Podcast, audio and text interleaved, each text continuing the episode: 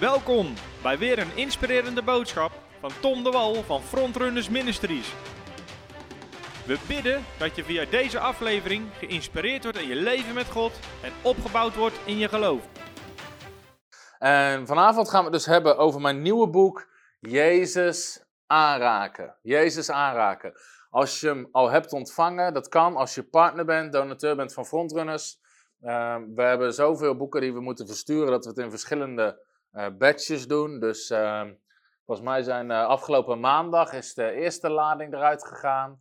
En de rest van de week gaat, gaat de rest van de ladingen gaan eruit. Uh, dus als je donateur bent, als je maandelijks donateur bent, partner bent van Frontrunners, heb je er al één of twee thuis gekregen.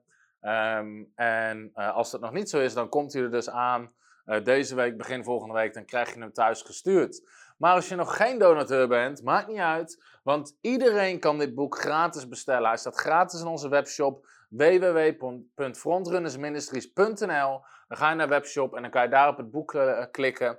En uh, het boek staat er gewoon gratis in. Uh, je moet wel even verzendkosten betalen. daar kunnen we niks aan doen. Dat moeten wij ook. En, maar in ieder geval, dat zal in ieder geval enorm gaan zegenen. Oké. Nou, ik wil het gaan hebben over dit boek. En daar, daarmee hebben we het eigenlijk meteen over het thema genezing. Want daar gaat mijn boek over. En vanavond wil ik eigenlijk meer. Ik wil niet inhoudelijk op mijn boek te diep ingaan. Want ik verwacht dat mensen uh, het boek gewoon gaan lezen en daardoor gezegend gaan worden. Maar ik wil eigenlijk wat kaders eromheen geven waarom ik geloof dat dit belangrijk is en een beetje hoe het werkt. Want het boek heet Jezus aanraken. Jezus aanraken. En de ondertitel is hoe iedereen kan genezen door Jezus aan te raken. Hoe iedereen kan genezen door Jezus aan te raken. Volgende week wil ik het daar uh, over hebben, over hoe iedereen. Weet je, kan echt iedereen genezing ontvangen? Daar wil ik het volgende week over hebben. Maar vanavond wil ik het hebben. En de titel die we aan deze uitzending hebben gegeven is. Um, wat is de titel? Genezing via een stappenplan? Wat hebben we ook alweer van gemaakt? Um, kan ik het zelf trouwens zien? Een stappenplan naar genezing. Ah ja, een stappenplan naar genezing. Vraagteken, uitroepteken. Kan genezing werken met een stappenplan? Want als je mijn boek al hebt en je zal hem open doen, de subtitel is dus hoe iedereen kan genezen door Jezus aan te raken, dan zal je zien dat in de inhoudsopgave dat uh, onder andere, er staat van alles in, het fundament, maar ook uh, bijvoorbeeld bijlages met overzichten van alle wonderen die Jezus deed, 150 bijbelteksten om geloof te bouwen, meditaties, proclamaties, uh, uh, genezingsvraagstukken beantwoord, zoals Job, Paulus en doorn in het vlees, Timotheus die ziek werd achtergelaten, dat soort dingen. Maar ook zeven stappen naar genezing. En dan hoofdstuk stap 1, stap 2, stap 3 per hoofdstuk. En dus als je je boek leest en als je mensen zegt van ja, er is een boek met zeven stappen tot genezing, zal iedere christen tegen zeggen, ja, maar zo werkt het niet. Het werkt niet met stappen. Het werkt niet met een stappenplan. Denk maar niet dat 1 plus 1 2 is. En dat is de eerste reactie die je zal gaan krijgen. En daarom wil ik in deze uitzending uh, het erover hebben van genezing met een stappenplan. Hoe werkt dat dan en hoe zit dat dan? En ik denk voordat we echt uh, uh, daar verder daar diep op ingaan, uh, ik ben enorm dankbaar dat Martin Kornstra het voorwoord heeft geschreven. En een van de dingen die Martin in het voorwoord, ik zal zo meteen een klein stukje ervan voorlezen. Maar een van de dingen die Martin terecht zegt, is dat genezing een lastig onderwerp is, vaak om over te schrijven. Omdat het gaat altijd over, het is geen theorie. Het is ook niet iets waar heel veel mensen minder affiniteit mee hebben. Uh, dan als je het zou hebben over, weet ik veel, de plek van het profeet in het Oude Testament of zoiets. Uiteindelijk maakt het aan het eind van de dag niet zo heel veel verschil in mensenlevens. Maar als het gaat over een onderwerp zoals goddelijke genezing, bovennatuurlijke genezing, uh, gebedsgenezing, hoe je het ook wil noemen, dan is dat een onderwerp waar eigenlijk iedere christen mee te maken heeft en wordt gedwongen om over na te denken. Omdat we allemaal in ons leven geconfronteerd worden met ziekte. Um, en we kennen allemaal mensen die ziek zijn uh, geweest of geworden of, of die het nu nog zijn. En waar, waar ook de vraag wordt gesteld, waar is God in dit verhaal en hoe werkt genezing? En, en is dat nog wel voor vandaag? En, als dat, en, en waarom zien we het dan soms niet gebeuren? Dus genezing is een enorm gevoelig onderwerp, uh, altijd als het daarover gaat. Uh, maar dat betekent niet dat we niet aan mogen halen. Ik geloof juist dat we er nog heel veel over kunnen leren. En dat dit boek daar ook een belangrijke stap in is. En tijdens het schrijven van het boek, weet je, ik moet altijd weten vanuit God om een boek te schrijven. En dat zeg ik niet hoogmoedig, dat zeg ik nederig. Maar ik zit niet te verzinnen altijd welke boeken ik ga schrijven. Ik moet het op mijn hart hebben vanuit God. Dus mijn eerste boek, 50 redenen om te spreken in tongentaal. Waarvan ik zie dat het een enorme zegen is in de kerken waar we komen. En de mails die we krijgen, mensen die gedoopt worden in de geest, tongentaal ontvangen, al die dingen meer. Uh, maar dat, die heb ik geschreven toen ik eigenlijk op een nacht niet kon slapen. En ik bleef maar een bepaalde in mijn geest voelen dat ik moest gaan bidden. Dus ik ging uit bed, ik ging naar beneden naar onze woonkamer en ik ging daar bidden. En tijdens het bidden sprak God tot me. En God zei: Tom, ik wil dat je een boek schrijft over tongentaal. En ik wist meteen, uh, de titel van het boek kwam, met, kwam ook in mijn geest, 50 redenen om te spreken in tongentaal. En die nacht ben ik begonnen te schrijven. En ik stuurde Jan Sjoerd Pasterkamp de volgende ochtend vroeg een berichtje. Of dat hij mee wilde helpen met verhalen, getuigenissen, zijn ervaring. En, en dat is hoe mijn eerste boek is geschreven.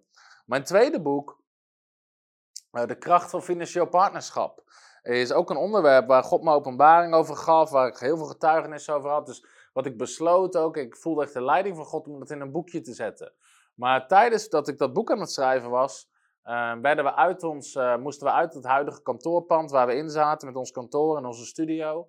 En toen zijn we heel lang bezig geweest om een ander pand te zoeken, het te verbouwen, in te richten. Uh, we hadden onze eerste conferentie meteen, de eerste week dat we open gingen, zijn we en ik was destijds nog de enige voltijd in dienst van de stichting. En daarnaast hadden we een hoop vrijwilligers. Dus ik was letterlijk 80 uur per week, maandenlang bezig om dat gebouw te regelen.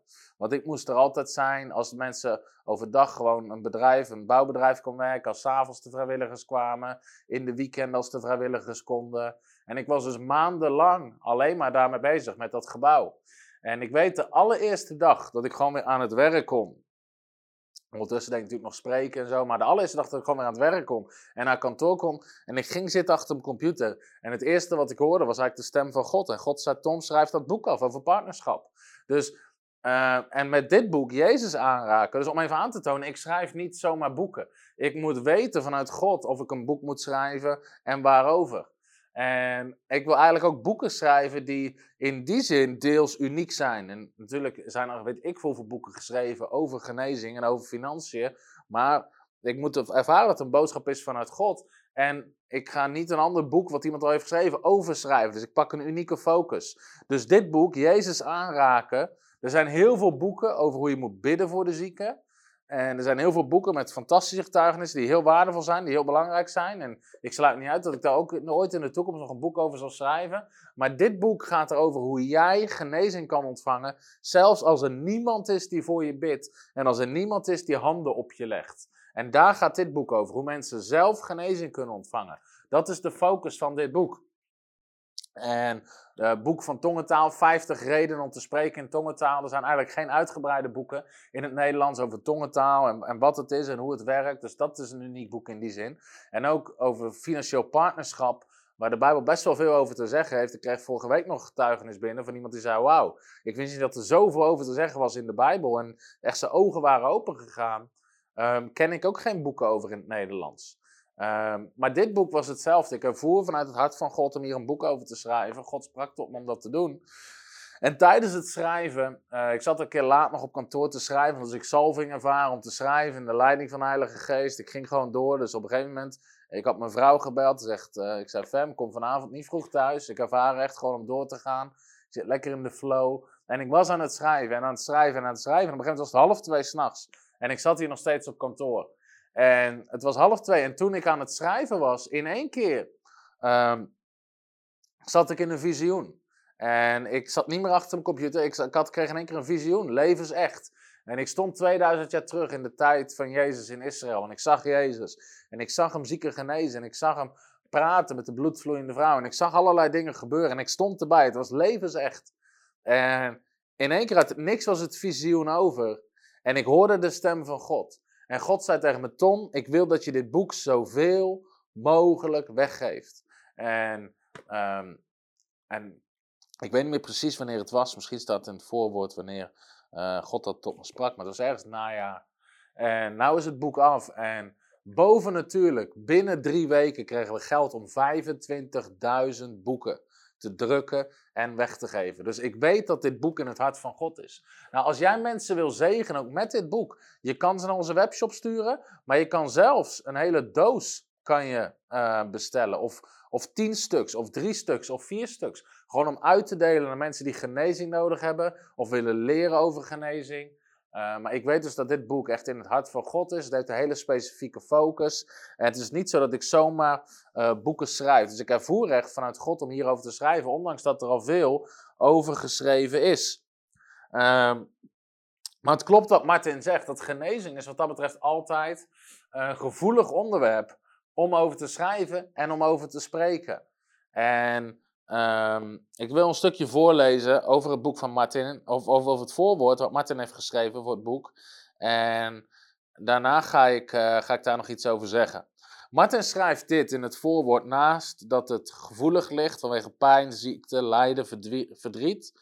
Uh, zegt Martin dit, en daar wil ik zo meteen iets over zeggen om iets toe te lichten over het boek, uh, waarvan ik ook geloof dat het je zal zegenen. Martin schrijft: Het spreekt van lef dat Tom het aandurft om zo verfrissend, helder en zonder compromis te schrijven over wonderen en Gods wil om jou te genezen. Onverschrokken en vol overtuiging legt hij de lat hoog, precies zoals Jezus dat deed in zijn bediening en onderwijs. Vanuit de focus op de Zoon van God en zijn voorbeeld daagt Tom de lezer uit om zelf Jezus aan te raken en zo genezing te ontvangen. Zonder angst voor kritiek laat hij het confronterende onderwijs van Jezus en de apostelen voor zichzelf spreken. God wil en kan jou genezen. Het stevige fundament in het woord, de degelijke opbouw, moeten je aan het denken zetten. Tegelijkertijd is Jezus aanraken geen theoretisch verhaal, maar wordt het onderwijs bevestigd door talloze getuigenissen en bijzondere ervaringen. Je proeft om zijn kinderlijke geloof en je ziet dat het op een volwassen manier onderbouwd en uitgelegd is. Fris, eerlijk, toepasbaar en uitnodigend zonder veroordeling of valkuilen uit het verleden. Stap voor stap bouwt we aan een beter zicht op Jezus, de kracht van geloof, het woord van God, het offer aan het kruis in het nieuwe verbond. Het boek bruist van energie, verwachting, leven, goedheid, uitdaging en inspiratie. Het is een boost van Bijbels geloof dat ontspringt vanuit de bediening en het leven van Jezus. Laat je denken vernieuwen, pak de uitdaging aan om Jezus aan te raken. Je zal verbaasd staan wat God vandaag in Nederland en in jou kan doen. Nou, dat is wat, uh, wat Martin dus schrijft in het voorwoord van het boek. En er zijn een aantal dingen die daar waar, ik even op in wil gaan. Uh, want een van de dingen die Martin dus schrijft, hij zegt: Het spreekt van lef om het onderwerp zo, zonder compromissen, neer te zetten. Want in mijn boek um, geloof ik gewoon dat ik neerzet: wat zegt God over genezing? Wat zegt de Bijbel? Hoe kunnen we genezing ontvangen? Wat onderwees Jezus? En dan kom je erachter, als je die teksten naast houdt wat vandaag veel onderwezen wordt, dat er een wereld van verschil zit tussen wat veel predikers spreken, niet alleen in Nederland, niet alleen in een bepaalde denominatie, wereldwijd, en wat Jezus onderwees en wat de Bijbel onderwijst. Daarom heb ik aan het eind van mijn boek 150 Bijbelteksten, iets meer zelfs, over genezing. Um, om mensen te laten zien hoe duidelijk de wil van God is over genezing. Niet één tekst, geen twee teksten, 150 Bijbelteksten over genezing. Uh, we zullen verbaasd staan als je echt gaat bestuderen hoeveel de Bijbel heeft te zeggen over genezing. Het is geen bijonderwerp. Dat is iets wat we moeten begrijpen. Genezing is geen bijzaak voor Jezus. Hij stierf ervoor aan het kruis. Hij stierf ervoor aan het kruis. Het was geen bijzaak, het was hartstikke belangrijk. Ook in Jezus' bediening was het niet zo dat, we, dat we in de Bijbel één, twee of drie verhalen hebben over genezing. En als je goed zoekt, ja, dan kan je ook zien dat Jezus een zieke geneest. Nee, als je kijkt door de evangelie heen, Jezus genas constant, overal zieken. Het had topprioriteit bij hem om zieken te genezen en daarmee bezig te zijn. Dus het is absoluut geen bijzaak, genezing. Genezing is een ontzettend belangrijk onderwerp. En waarvan ik ook geloof dat we het zonder compromis neer moeten zetten. Want dat is wat we nodig hebben. Jezus zei, je zal de waarheid kennen en de waarheid zal je vrijzetten. En in Johannes hoofdstuk 17 zegt hij, uw woord is de waarheid. En ik geloof dus dat het belangrijk is dat we uh, zonder compromis over dit soort onderwerpen gaan spreken. Want de gevaar is altijd, omdat het zo'n gevoelig onderwerp is, zeg ik er altijd over, bouw je theologie niet op je tragedie. Bouw niet wat jij gelooft over God en over genezing op je eigen ervaring. Want jouw ervaringen zijn niet de waarheid. Het woord van God is de waarheid. Jezus zijn leven is de waarheid. Jezus zei, ik ben de weg, de waarheid en het leven. Jezus zei, wie mij heeft gezien, heeft de Vader gezien. Jezus was het woord van God in een lichaam. En onze ervaringen zijn dat niet. Onze ervaringen kunnen een stukje afstaan, kunnen, hoeven niet overeen te komen met wat het woord van God zegt. Het woord van God legt de standaard hier. En misschien wat wij nu zien en wat wij begrijpen ligt hier. En wat belangrijk is, is om niet het woord van God te gaan verlagen naar onze ervaring, maar dat wij gaan groeien in alle dingen naar het hoofd toe. Wat Christus is, zegt de Bijbel, totdat onze ervaring overeenkomt met wat het woord van God zegt. En daarom zeg ik altijd: laat het woord van God je leven veranderen. En probeer niet je hele leven lang het woord van God te veranderen. Want dat is wat sommige mensen doen. En daarom geloof ik dat het belangrijk is om zonder compromis te schrijven en te prediken over het feit dat Jezus wil genezen. En, en, en, en iedereen heeft ermee te maken, dat klopt. Maar daarom hebben we juist deze waarheid meer nodig dan ooit tevoren. En ik werd me daar vorige week nog bewust van. Uh, met, en ik kan daar nou geen, geen details geven over die situatie, maar in ieder geval um, via een van onze YouTube-video's, uh, waarin Jan Sjoerd Pastenkamp spreekt, er was een gezin en, uh, en die moeder had op die video geklikt van Jan Sjoerd Pastenkamp. En aan de zijkant stond een video van mij over genezing.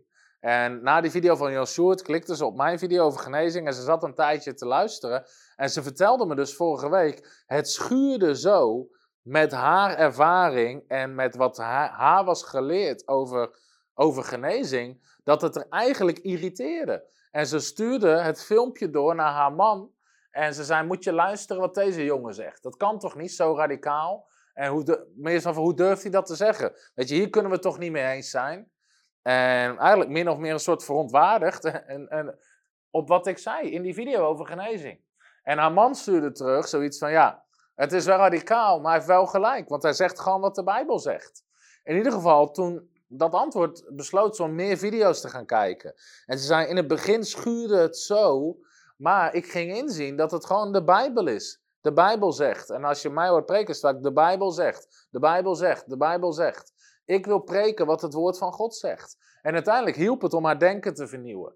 En, en ook in die video's predikte het woord van God zonder compromis. Dus je zal mij niet horen zeggen: God wil soms wel genezen, God wil soms niet genezen. Want dat zien we niet in het leven van Jezus. De Bijbel zegt: Jezus genas alle. Er was niemand die naar Jezus toe kwam, maar tegen Jezus zei: Sorry, God wil jou niet genezen. Dus ik preek gewoon: God wil iedereen genezen. En als het niet gebeurt, zijn wij degene, en wij bedoel ik even algemeen, de mensheid degene die iets kan leren, die kan groeien, maar niet God. Want de Bijbel zegt, ik ben de Heer en ik verander niet. Dus God gaat niet veranderen, wij moeten veranderen. In ieder geval, nu is er in dat gezin iets heftigs aan de hand, waar ik geen details over kan geven, met ziekte.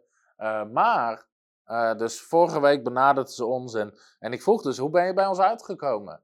En, ze, en toen zei ze dus van, weet je nou, in het begin irriteerde ik me mateloos aan je onderwijs over genezing. Maar nu, als ze uiteindelijk haar denken ermee gingen vernieuwen, en nu ze zelf een wonder nodig hebben, kwamen ze bij ons uit. En ik denk dat dat belangrijk is, want als we in een radicale situatie zitten, een ernstige situatie zitten, hebben we het woord van God nodig zoals het is. En, en zeker als we zelf in één keer met heftige dingen te maken hebben, moeten we zeker weten dat God wil genezen en wat Gods wil is voor die situatie. En hebben we niks aan, soms wil God het wel en soms wil God het niet, want daar kan je niet mee werken. Weet je, als je een wonder nodig hebt, heb je een wonder nodig. En dan kan je naar Jezus gaan en dan zal je een wonder uh, ontvangen. En dus ik geloof ook niet echt in dingen in het midden laten. Want soms doet God het wel, soms doet God het niet. Want ik zie Jezus dat nergens doen. En Jezus is ons grote voorbeeld. En daarom geloof ik ook dat dit boek uh, wel een, uh, een zegen daarin kan zijn. Omdat Nederland een van de dingen wat een wat in Nederland anders zou mogen, is namelijk dat in Nederland is best wel een grote uh, soort compromis ontstaan. Is een soort ontstaan van Ehm, alles is maar een beetje in het midden en in de waarheid. En we, we willen heel graag een compromis. Want we durven niet te zeggen, zo zit het en zo zit het altijd met genezing. Nee, we gaan heel vaak zoeken naar van ja, nou ja, weet je, je weet het ook niet. En weet je wel, soms wil God het toch niet. En soms is het dit en soms is het dat. En ik geloof dat dat niet goed is, want de Bijbel staat waar het voor staat. En laatst hoorde ik dit, even kijken of ik het kan, kan vinden.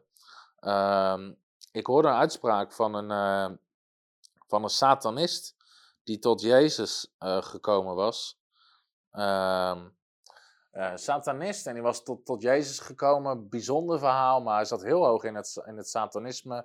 Een van de priesters van Satan. Hij was tot Jezus gekomen. Hij is nu een prediker. En ik zat zijn getuigenis te luisteren. En hij zei iets wat me raakte.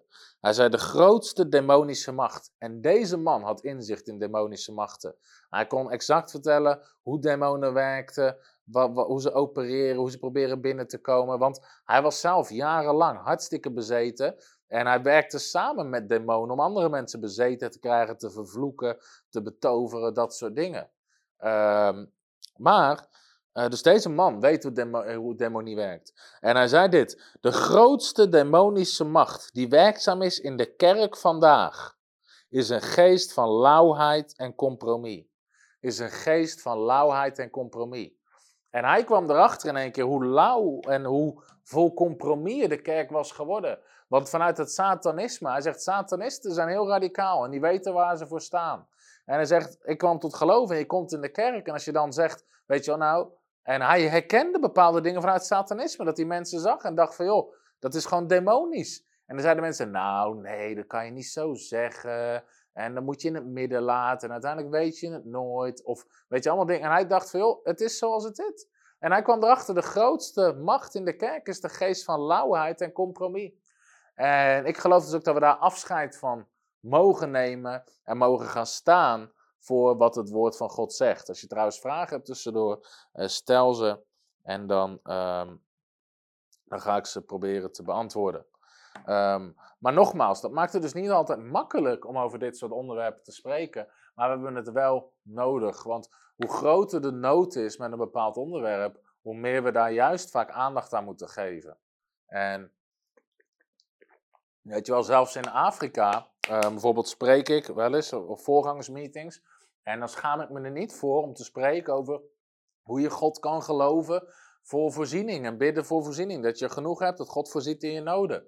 En sommige mensen zeggen, ja, maar dat kan je toch niet in Afrika prediken? Daar hebben de mensen niks. Nee, je moet als juist in Afrika prediken, want daar hebben ze niks. Dus dat is wat ze nodig hebben, het onderwijs. En anders kan je ook zeggen, ja, je gaat toch niet over redding en vergeving praten bij een discotheek, want die mensen kennen Jezus niet. Nee, omdat ze Jezus niet kennen, hebben ze dat juist nodig.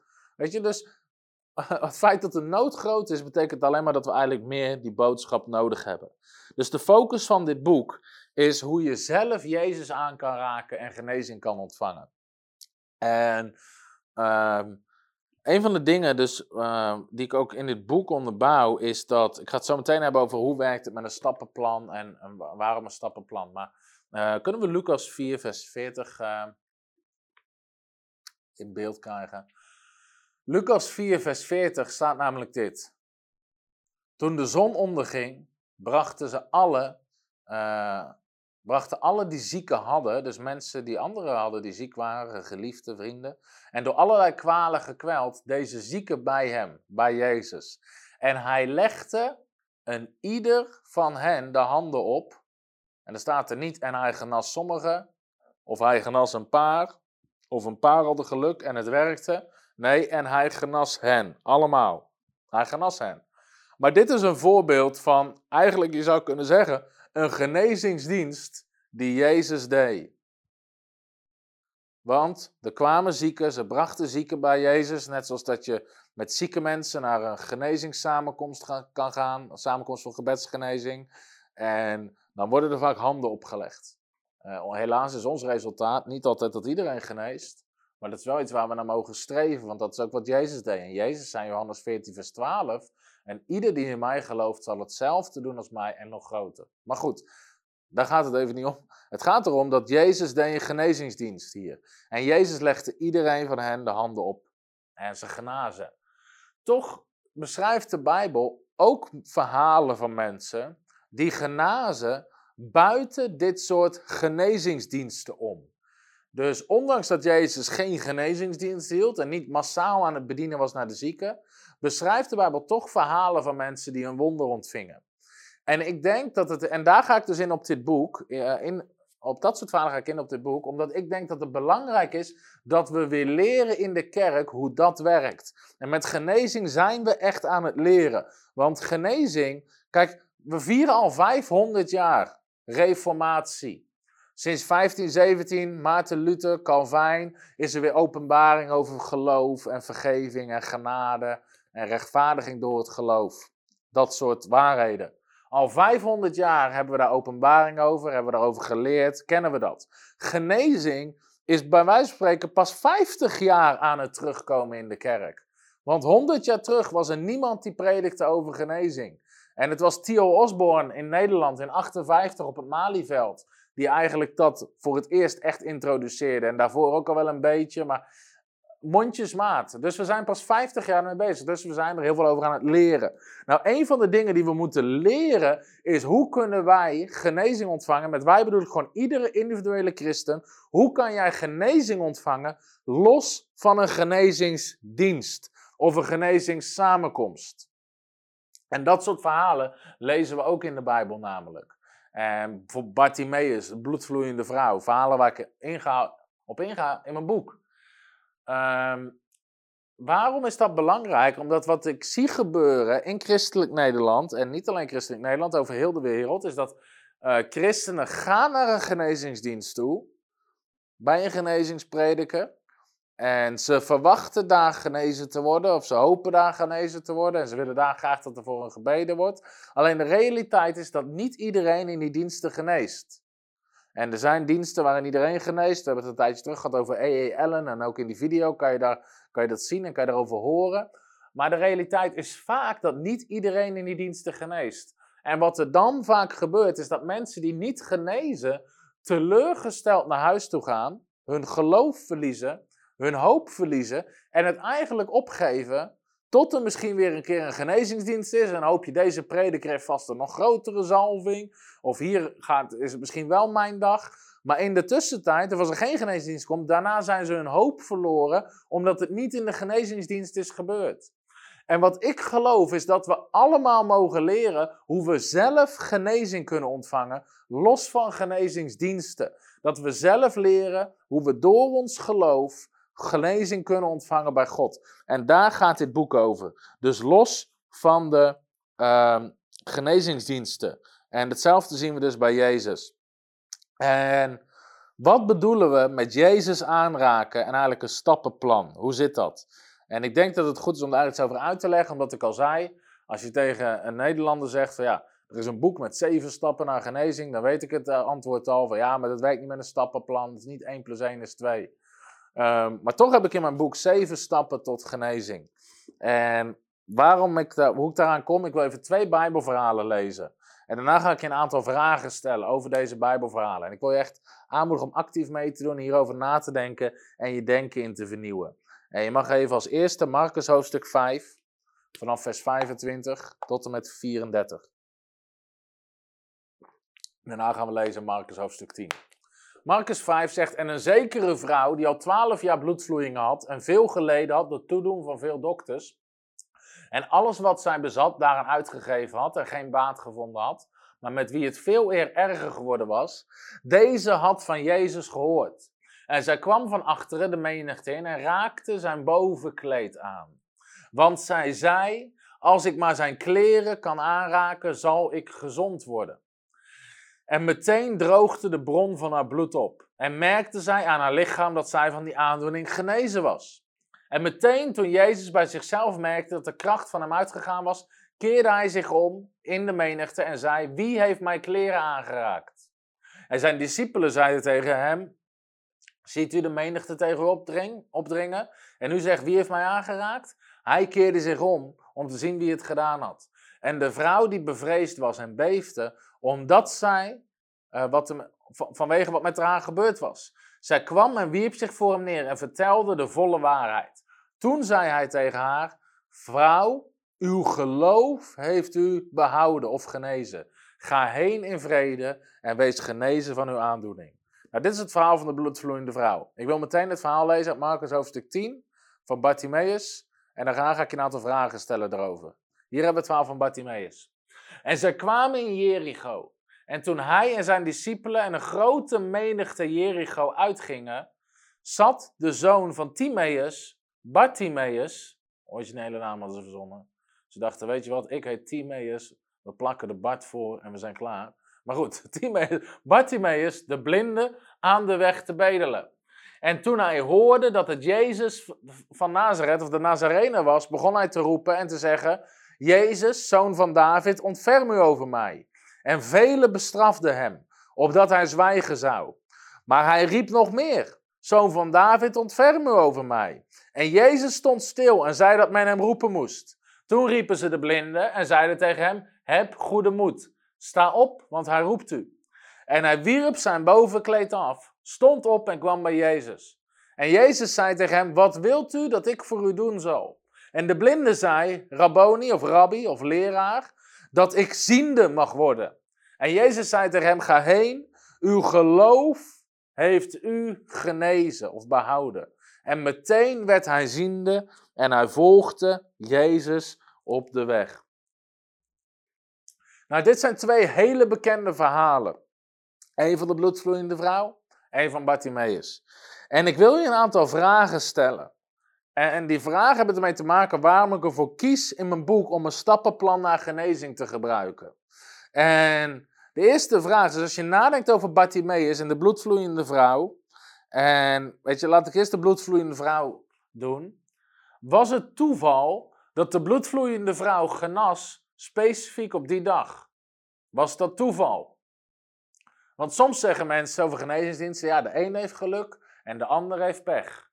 En dat kan je nooit weten, dus het is toeval. Maar was het toeval dat de bloedvloeiende vrouw genas op deze dag? Of was het toevallig de wil van God? Want ik weet zeker dat er in die menigte veel meer zieken waren. En ook bij Bartimaeus op die weg zaten meer blinden te bedelen. Was het toevallig zo, of was het de wil van God, dat zij genas, dat Bartimaeus genas, maar de rest niet? Was het daardoor dat ze genezing ontvingen? Of was die bloedvloeiende vrouw toevallig Gods lievelingetje? Stond ze vooraan toen genezing uitgedeeld werd, om het zo maar te zeggen? Was zij de lieveling van God en ontving ze daardoor genezing? Of, wat ook vaak gezegd wordt, weet je, als God wil genezen, doet hij dat wel op zijn tijd en op zijn manier. God is soeverein. Nou, had God van tevoren soeverein bepaald dat deze vrouw op dit moment in de tijd op die plek genezen ging worden? Nee. Weet je, op al die vragen is het antwoord nee. En soms zeggen mensen ja, als God je wil genezen, doet hij dat wel. Daar hoef jij niks voor te doen. Of daarvoor hoef jij niet naar een dienst. Of daarvoor hoef jij niet een boek te lezen. Of wat dan ook. Je kan allerlei voorbeelden geven. Alleen het punt is, ook in dit verhaal is het niet zo dat Jezus door de straten liep met een hele menigte en in één keer zegt, jongens, stop, stop, stop, stop. Dit huis moet ik binnen, want God heeft hier soeverein bepaald. En daar zit iemand te wachten op genezing. En dat Jezus aanklopt, het huis binnenloopt, die vrouw geneest en weer verder gaat. Maar, maar dat is wel wat sommige mensen zeggen. Weet je, als God je wil genezen, weet je, dan, dan doet hij dat wel en dan kan je net zo goed hier blijven. Nee, zo werkt het blijkbaar niet, want dat is niet het verhaal. Hetzelfde met Bartimaeus. Was het toevallig dat Bartimaeus genas? Was het toevallig de wil van God dat hij als enige blinde genas en de rest niet? Was hij het lievelingetje van God? Had God van tevoren soeverein bepaald dat die Bartimaeus daar zou genezen? Nou, het antwoord op al die vragen is nee, nee, nee, nee, nee. Terwijl het wel bekende leer is wat onderwezen wordt in de kerk. Hoeveel van jullie weten dat God soeverein is en uiteindelijk gebeurt wat hij wil? Dat is wat onderwezen wordt. Maar was dit de soevereiniteit van God, waardoor ze genazen? Nee. Waarom genas Bartimaeus die dag? Waarom genas de bloedvloeiende vrouw die dag? Heel simpel, omdat ze de juiste stappen zetten om bij Jezus te komen. Daardoor werden ze genezen. Zij deden de juiste handelingen. Zij zetten de juiste stappen om bij Jezus te komen. Zij deden zelf die dingen. En ik heb het niet over iets afdwingen bij God. Ik heb het ook niet over iets verdienen met goede werk, om het zo maar te zeggen. Ik heb het over principes toepassen en doen wat nodig is om te ontvangen van God. En omdat zij dat deden, ontvingen zij genezing. En om je aan te tonen dat het niet toeval was, niet de soevereiniteit van God en het ook niks met de wil van God te maken had. En daarop, daarop bouw ik dit boek eigenlijk, want ik pak eerst het verhaal van de bloedvloeiende vrouw, Marcus 5. Maar nu gaan we Marcus hoofdstuk 6, vers 56 lezen. En, um, want in Marcus hoofdstuk 5 lezen we dat de bloedvloeiende vrouw Jezus aanraakte en genas. Maar dan zegt Marcus hoofdstuk 6, vers 56 dit. En dit is dus een hoofdstuk na het verhaal van de bloedvloeiende vrouw. En toen zij uit het schip gegaan waren, herkende men hem meteen. En men liep heel de streek door en begon lichtmatten, begon op lichtmatten, hen die er slecht aan toe waren, met zich mee te dragen naar de plaats waarvan ze hoorden dat hij daar was. En waar hij ook kwam, in dorpen of steden of in gehuchten, daar legden ze de zieken op de markten. En dan staat er dit. En smeekte hem of zij, al was het maar de zoom van zijn bovenkleed, mochten aanraken. En dan staat er, en allen die hem aanraakten, werden gezond. Niet sommigen die hem aanraakten, niet een paar, niet en zij waarvan God soeverein bepaald had dat ze zouden genezen. Nee, allen die hem aanraakten, werden gezond. En wat is mijn punt uit deze tekst? Is wat je eigenlijk zou kunnen zeggen. Ze hadden het voorbeeld gezien bij de bloedvloeiende vrouw. Dat verhaal was rondgegaan. En zij begonnen letterlijk te kopiëren wat die bloedvloeiende vrouw deed. En soms zeggen we in de kerk, weet je, iets kopiëren werkt niet. Nou, blijkbaar wel. Want ze deden het na. En dan zegt de Bijbel, en allemaal die hem aanraakten werden genezen. Niet alleen de bloedvloeiende vrouw, allemaal werden ze genezen. Dus iedereen zette dezelfde stappen als die bloedvloeiende vrouw en daardoor werkte het bij iedereen.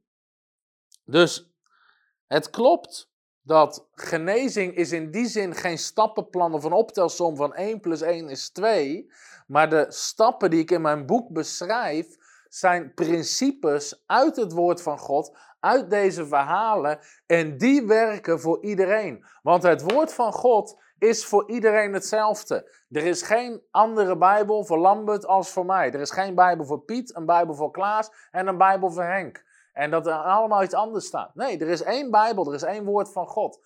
En het woord van God is hetzelfde voor iedereen. En bovendien zegt de Bijbel: God heeft geen aanziens des persoons. Zegt meerdere keren de Bijbel. In andere woorden, God heeft geen lievelingetjes. Sterker nog, we zijn allemaal zijn lievelingetje. Dus wat dat betreft kan je zeggen, ik heb goed nieuws. Ik ben de lieveling van God. En jij ook en iedereen. Want God houdt van iedereen. We zijn allemaal zijn kinderen. We zijn allemaal zijn lievelingetjes. Dus weet je, de gunst van God is op iedereen die, die Christus heeft aangenomen. Dus uiteindelijk werkt dat voor iedereen, want Gods woord werkt voor iedereen. En God houdt zich altijd aan zijn woord. Dus daarom kunnen wij leren om deze stappen toe te passen om genezing te ontvangen, die ik beschrijf in dit boek. En dat zal dus altijd voor iedereen werken. En dat is een radicaal statement, wat ook op de voorkant van het boek staat, hoe iedereen kan genezen door Jezus aan te raken. Laten we nog een keer die tekst uit Marcus 6, en, want daar staat letterlijk ditzelfde. En iedereen of allen die hem aanraakten, beneden in onderstreept, en allen die hem aanraakten, werden gezond. Nou, als het toen werkte, kan het ook voor ons werken. Want de Bijbel zegt in Hebreeën hoofdstuk 13 vers 8, Hebreeën hoofdstuk 13 vers 8 zegt dit. Jezus Christus is dezelfde gisteren, vandaag en tot in eeuwigheid. Hebben we hem ook, ja. Hè? Als goed hebben we hem. Hebreeën 13 vers 8. In andere woorden, Jezus is niet veranderd. Jezus is dezelfde gisteren, vandaag en tot in eeuwigheid. Dus als Jezus toen iedereen wilde genezen, hij is niet veranderd. Zijn wil is niet veranderd. Alleen wij mogen weer leren hoe we hem aan moeten raken. En. Uh, dus nog even iets over dat stappenplan. Je mag even Lucas 5, vers 17. Hoe kwam het dat Jezus wonderen deed? Heb ik die? Lucas 5, vers 17. Daar staat namelijk dit, en dit is het verhaal, als we verder zullen lezen, is het verhaal waar de uh, vier vrienden hun verlamde vriend door het dak laten zakken. Maar dit staat er aan het begin van het verhaal. En het gebeurde op een van die dagen dat hij onderwijs gaf en dat de fariseeën en leraars van de wet zaten. Die van alle dorpen van Galilea, Judea, uit Jeruzalem waren gekomen. En dan zegt, dit, en dit. En er was kracht van de Here om hen te genezen. Er was kracht van God om ze te genezen. Dus Jezus is aan het onderwijs aan het geven. Er is een massa mensen naar hem toegekomen. En dan zegt de Bijbel, en er was kracht van God om ze te genezen. Nou, en dan kan je afvragen, als je het verhaal gaat lezen, is het verder gaat lezen, hoeveel mensen genazen er? Nou, eigenlijk nog niemand.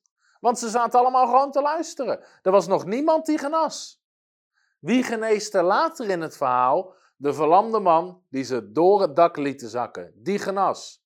Maar de Bijbel zegt hier, er was kracht van de Heer om hen te genezen. Er was kracht om ze allemaal te genezen. Maar niemand genas. De genas, genas pas later in het verhaal één iemand. Waarom niet? Omdat niemand de juiste stappen zette. En daarom geloof ik zo in die stappen zetten om bij Jezus te komen. Maar even over die zin. Er was kracht van God om ze te genezen. Nou, wat was die kracht van God op Jezus om te genezen? Staat in Handeling hoofdstuk 10, vers 38. Handeling hoofdstuk 10, vers 38. Daar staat dit. Hoe God Jezus van Nazareth, en dat spreekt over zijn menskant, waar hij geboren was, gezalfd heeft, dus ingesmeerd heeft, ondergedompeld heeft, met de Heilige Geest en met kracht. En hoe hij het land doorgegaan is, terwijl hij goed deed en alle die door de duivel overweldigd waren, genas want God was met hem. Weer, hoeveel genast hij? Alle. Door wie waren ze overweldigd? Door de duivel. Niet door God, door de duivel. Maar waar kwam die kracht vandaan? God had Jezus van Nazareth gezalfd met de Heilige Geest. Met de kracht van de Heilige Geest. Dus de kracht van de Heilige Geest was het waardoor mensen genezing ontvingen. Waardoor genas die bloedvloeiende vrouw toen ze Jezus aanraakte? Want dan zegt dat verhaal, hoe wist Jezus dat iemand hem aangeraakt had? Want hij voelde kracht uit hem stromen. Hij voelde de kracht. Welke kracht? De kracht van de Heilige Geest. Als de Bijbel zegt, er was kracht van de Heer om ze te genezen. Wat voor kracht? De kracht, aanwezigheid van de Heilige Geest. Handelingen 10, vers 38, de kracht van de Heilige Geest. Waarom is dat goed nieuws? Want iedereen kan nog steeds Jezus aanraken om, hem te, om genezing te ontvangen. En, want misschien zeggen mensen, ja, maar als ik geleefd had in die tijd van Jezus, had ik ook zijn kleed aangeraakt. Dan was ik ook genezen.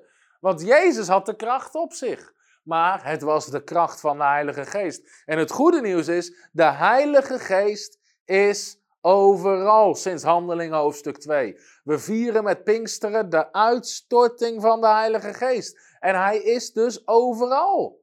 En, en dat is het goede nieuws. Jij kan overal Jezus aanraken en genezen. En dat is zo belangrijk dat we dat beseffen. De hemelvaart van Jezus, toen Jezus opsteeg naar de hemel en ging zitten aan de rechterhand van God, dat betekende niet meer dat hij vanaf dat moment nergens meer op aarde was. Het betekende dat hij zijn geest uit ging storten, zodat hij overal op aarde was. En dat is iets waar we ons denken moeten vernieuwen. Want de Heilige Geest is nu bij jou thuis in de kamer. Hij is nu hier in de studio. Hij is met je, hij is op de fiets als je aan het fietsen bent. Hij is, hij is in de auto als je in de auto zit. De kracht van de Heilige Geest is overal. En zijn kracht is overal aanwezig. En als wij maar leren hoe we geleiders kunnen worden van die kracht, kunnen we uit die kracht putten en genezing ontvangen als we de juiste stappen zetten. Want iedereen die hem aanraakte werd genezen. Hetzelfde werkt met elektriciteit. En mensen maken zich, weet je, soms over onzichtbare kracht. Mensen maken zich zorgen over atoomenergie, over kernenergie. Sommige mensen maken zich zorgen over 5G-kracht. Mensen maken zich zorgen over allerlei kracht die ze niet kunnen zien. Maar er is een kracht die je niet kan zien, die positief is en die goed is. En dat is de kracht van de Heilige Geest. En hij is sterker dan kernenergie en hij is sterker dan 5G. En het enige wat jij moet leren, en ik heb geen verstand van 5G of dat soort dingen, maar ik weet wel, als je zo'n antenne hebt en je hebt een juist dingetje op je telefoon, um, dat en dat is bepaalde geleiding, kan je dat ontvangen. Hetzelfde werkt met elektriciteit. En is het toeval dat die lampen achter mij het doen? Nee. Er is kracht, elektrische, elektriciteitskracht. En er zijn geleiders met stroom en koperdraad. En ik, ik ben geen elektricien. En amperes en volts en allerlei van die dingen. En een lamp met zoveel watt. En als alles klopt, doet die lamp het. Altijd. Niet soms, altijd. En als die lamp het niet doet, dan is er iets mis. Weet je, als Lambert hier de studio opbouwt en hij ziet een van die lampen doet het niet, dan is het niet van, nou, dat heeft God soeverein bepaald. Dat een van die lampen het niet doet. Dat een van die lampen geen kracht ontvangt. Misschien was het niet de wil van de Heer dat die lamp ging branden vandaag. Nee, dan gaan we kijken waar, waar zit het mis? Waar wordt de kracht niet goed geleid? En als je de juiste stappen zet om die kracht te geleiden, zal het altijd werken. En hetzelfde werkt met de kracht van de Heilige Geest. Als we de juiste stappen zetten, dan werkt de kracht van de Heilige Geest altijd. En dat is zo'n enorme zekerheid. Daarom hoef je nooit bang te zijn of iemand te bidden om Jezus aan te nemen. Want als ze Jezus aannemen, worden ze altijd gered. Om iemand handen op te leggen, om te vervuld te worden met de Heilige Geest en te spreken in tongentaal. Want dat werkt altijd, want God werkt altijd. Als de kanalen maar stromen waar het doorheen moet werken. En dus het is de kracht van de Heilige Geest waar we uit kunnen putten. En iedere zieke, waar ook ter wereld, kan putten in die kracht van de Heilige Geest. En daarom staat mijn boek vol met getuigenissen over mensen die thuis genezen. Of waar dan ook, of in het ziekenhuis, maar niet in genezingsdiensten. Want daarvoor heb ik dit boek niet geschreven. Het gaat erover dat iedere gelovige kan leren om genezing te ontvangen.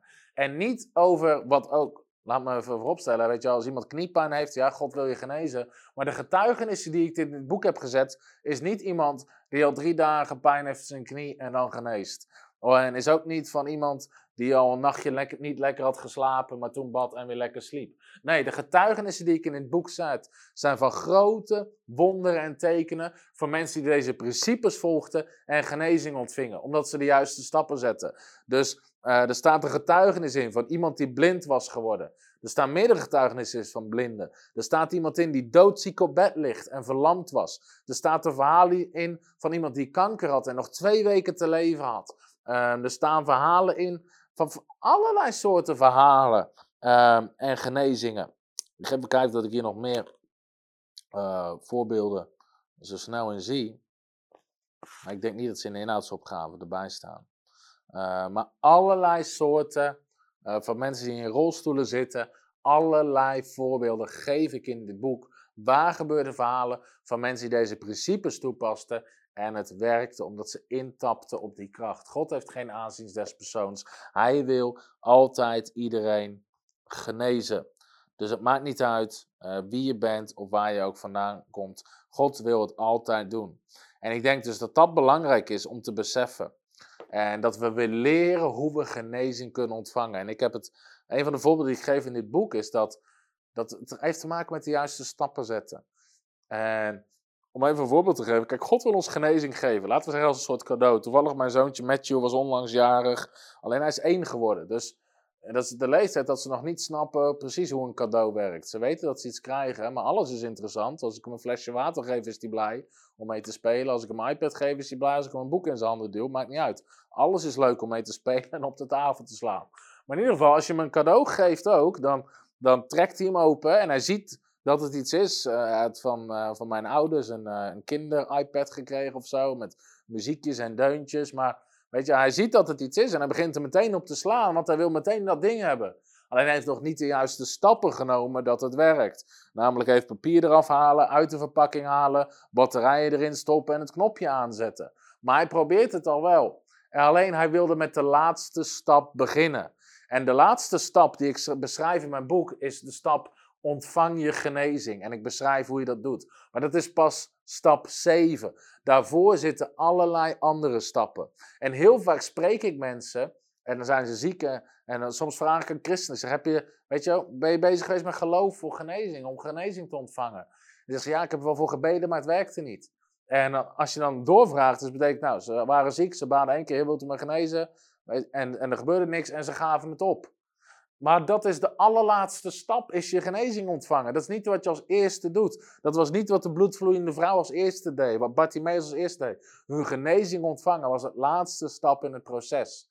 En sommige christenen zijn ook zo, die zijn van spreken, als je ze een grasmaaier geeft, dan vergeten ze hem uit de verpakking te halen, maar ze duwen maar wel over het gras heen, in de doos, en dan zeggen ze het werkt niet.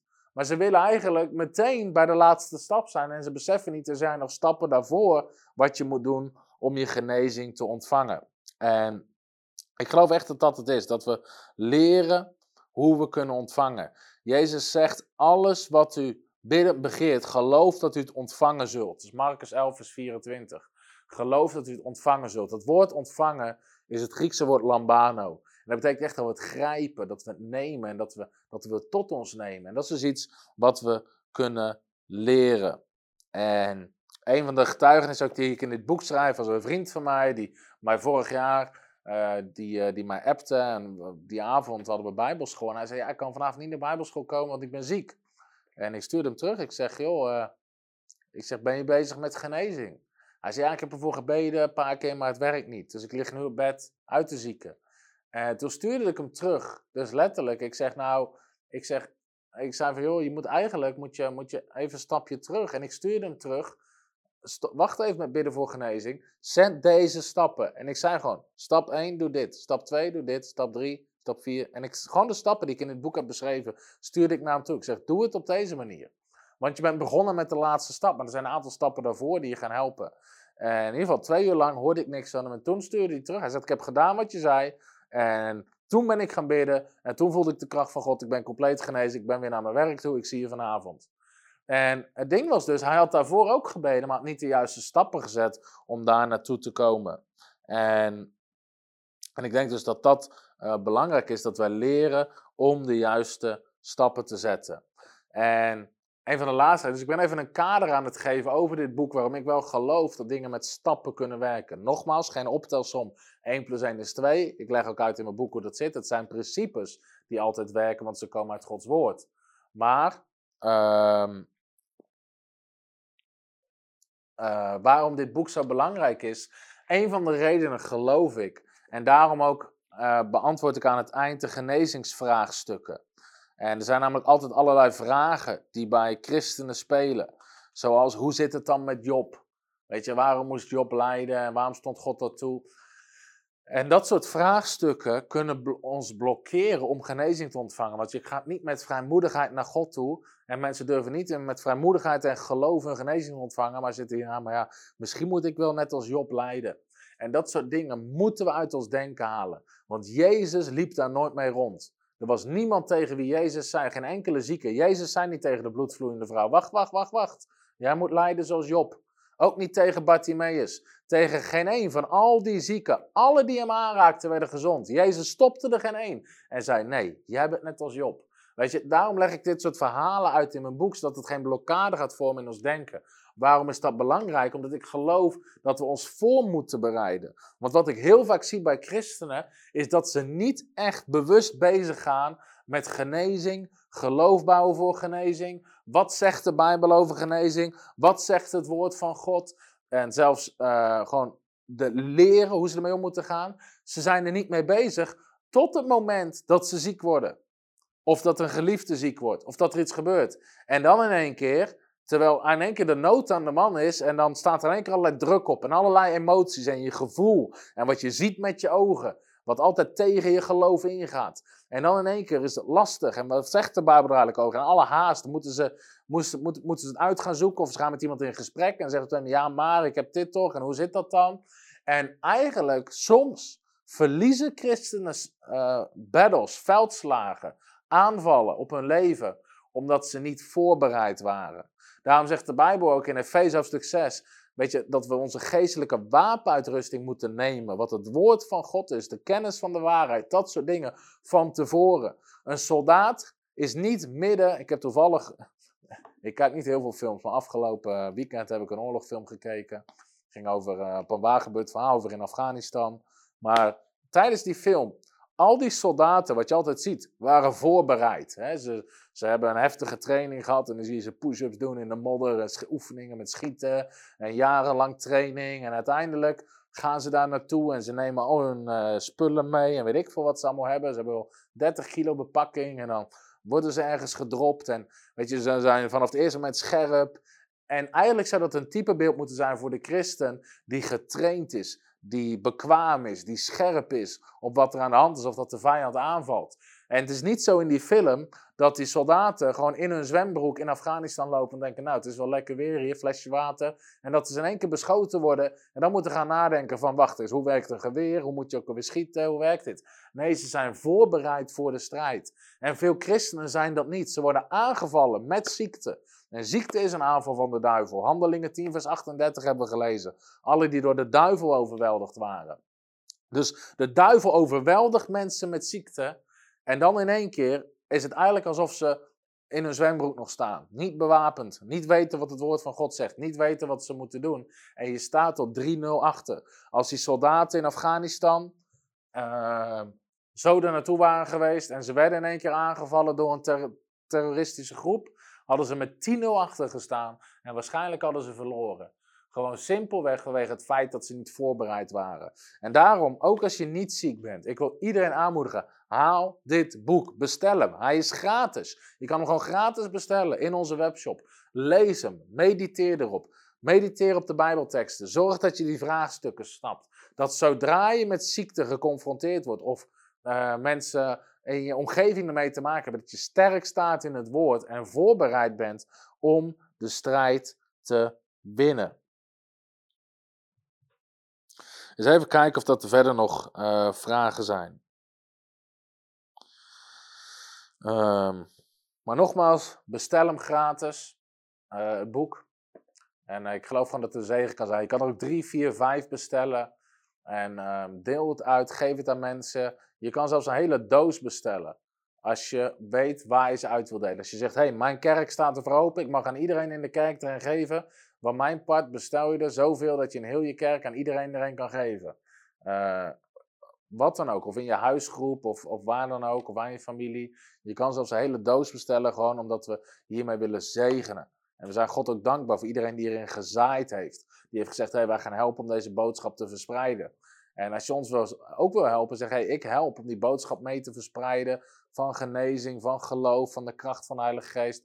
Word partner van onze bediening, want onze partners helpen ons enorm. Sommigen met 25, anderen met 50, met, met 100 euro per maand. Weet je, om deze boodschap te verspreiden. En uh, dus als je dat wil doen, zijn we daar enorm dankbaar voor. Bid er ook voor wat je kan geven per maand. En, en zaai en help mee om die boodschap te verspreiden. Even kijken naar vragen. Um, nou, uh, Daniel Struik vraagt: In hoeverre is bidden en vasten een sleutel? Uh, nou, in mijn boek schrijf ik niet echt over bidden en vasten. Hoewel ik van plan ben om een boek te schrijven over bidden en vasten. Bidden en vasten kan een sleutel zijn. Uh, vooral ook om genezing uit te delen. Omdat inderdaad, je bent veel scherper in de geest. Dus je hoort God makkelijker, je verstaat makkelijker Gods stem. Je hebt meer aandacht gegeven aan je geestelijke mens.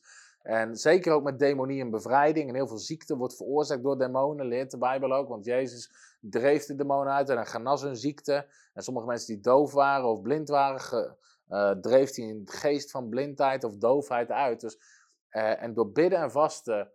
Um, Jezus zegt ook in Matthäus 17: Dit soort gaat niet uit dan door bidden en vasten. Dus door bidden en vasten waren ze veel scherper in de geest. Hadden ze meer autoriteit. Dan kan je zelfs meer geloof hebben, omdat je gewoon scherper bent in de geest. Dus bidden en vasten is absoluut een sleutel om meer wonderen te hebben. Ook als je kijkt naar de bedieningen van mensen die grote wonderen en tekenen hebben. Of het nou A.A. Allen was, of het David Hogan is. Um, tal van voorbeelden. Theo Osborne. Vaak in bidden en vasten. Paulus had gigantische wonderen en tekenen. En Paulus zegt meerdere keren dat hij vaak aan het vasten is. Dus vasten is een sleutel voor meer kracht van God op je leven. En meer kracht van God op je leven zorgt voor meer resultaten in genezing en bevrijding.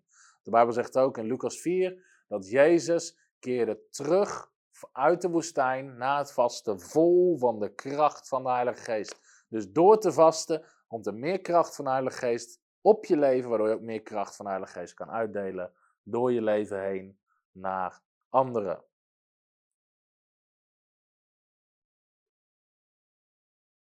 Dus ik denk dat dat een, uh, wel een antwoord is. Zijn er nog meer vragen tot zover?